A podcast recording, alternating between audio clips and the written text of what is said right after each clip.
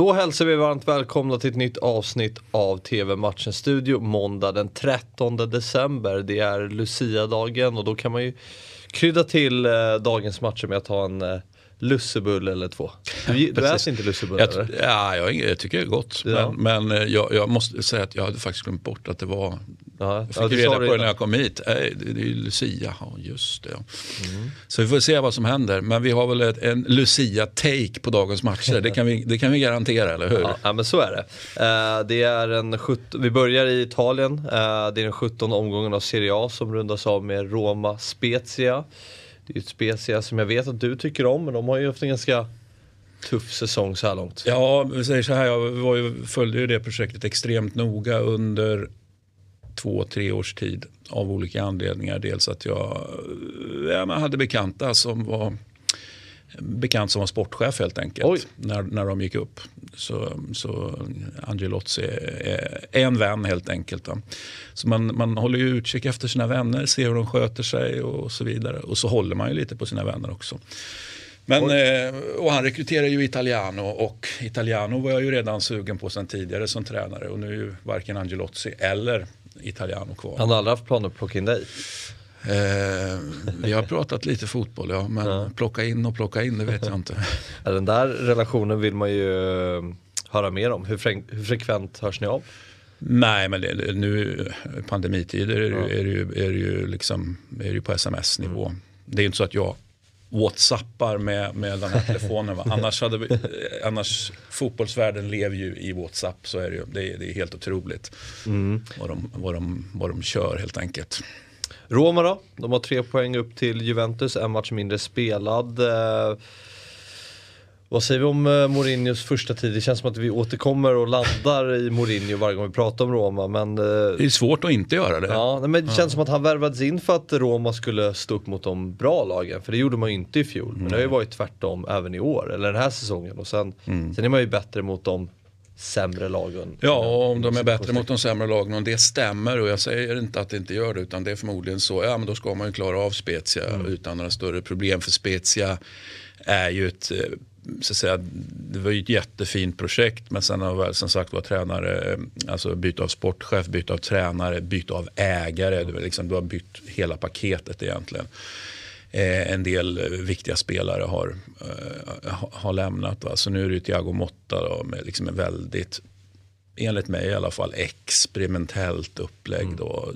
Supersatsning på massor med unga spelare som får chansen. Och, och en och annan ord- eh, liksom rutinerad ord- eh, också såklart. Då. Men, men eh, Alltså, de, de klarade sig kvar i högsta serien i fjol, Spezia. Skulle de göra, och, och det var ju, jag ska inte säga att det var ett mirakel, men det var en extremt bra bedrift.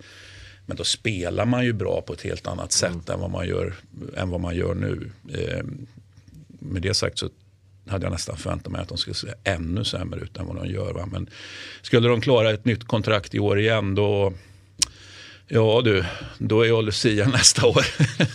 Ja det är så, i den här studion. ja, i den här studion, det, det, så är det. Det är bra. Men det största problemet för Spezia har ju varit eh, försvarsspelen. Man har ju släppt in 36 mål. Det är ett färre än Salernitana som släppte in 37. Eh, Salernitana är det lag som har släppt in flest. Så ja, det, det är bakåt det är problemet. Ja, men, men, men det har ju läckt bakåt. Det kunde du göra även under Italiano. Men man tryckte ju på och, och, och, och levererar ju framåt så att säga, och det grövsta. Det har man inte riktigt gjort i år. Det blir inte...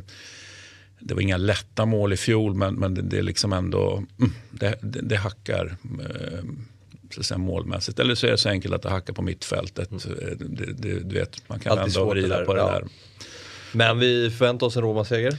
Ja, en ganska bekväm sådan. Det känns ju lite grann som att man då efter derbyförlust, efter fadäsen uppe i, uppe i Bodö eh, mot Bodö Glimt där, eh, att man då faktiskt på något sätt ändå har stabiliserat det här och kanske börjar, kan börja bygga för att få ett momentum igen då. 20.45 startar matchen och ni ser den på Simor.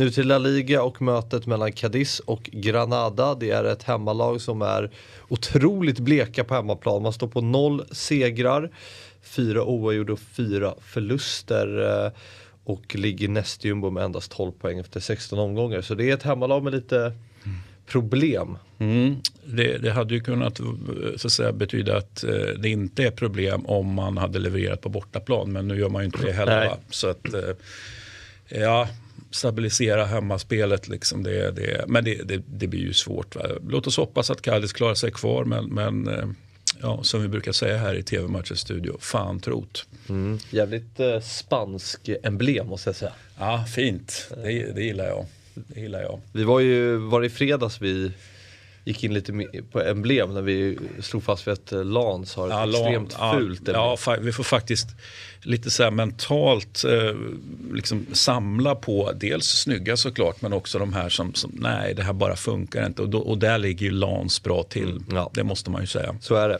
Eh, vad, vad, tror vi om den här matchen då? Granada har en seger och en oavgjord på de två senaste matcherna. Man vann mot Alaves eh, mm. i den senaste matchen. Och Vilket innan, ju är en jättefin skalp. Ja, och mm. innan dess ett starkt kryss mot Athletic Bilbao på mm. bortaplan. Ja, så det är ju möjligt att, eh, för jag menar man har inte gått speciellt bra inledningsvis. Nej. Det är ju möjligt att man ja, i den bästa av världar har vänt till en mer positiv, eh, positiv trend. Eller så har man i alla fall ett litet momentum nu. Så det blir ju ingen, det blir ingen lätt uppgift för, för Cadiz. Men, men eh, med det sagt, Granada är ju liksom inget fantastiskt Nej. fotbollslag. Det är bara att erkänna. Mm. Så att, eh, jag tycker det doft, doftar kryss här. Mm. Ett lussekryss. Ett lussekryss. Och eh, 21.00 startar matchen. Eh, ni ser den på Simor live. Ha nu en jättetrevlig Lucia-dag så syns vi imorgon när TV-matchens studio är tillbaka. Hej då!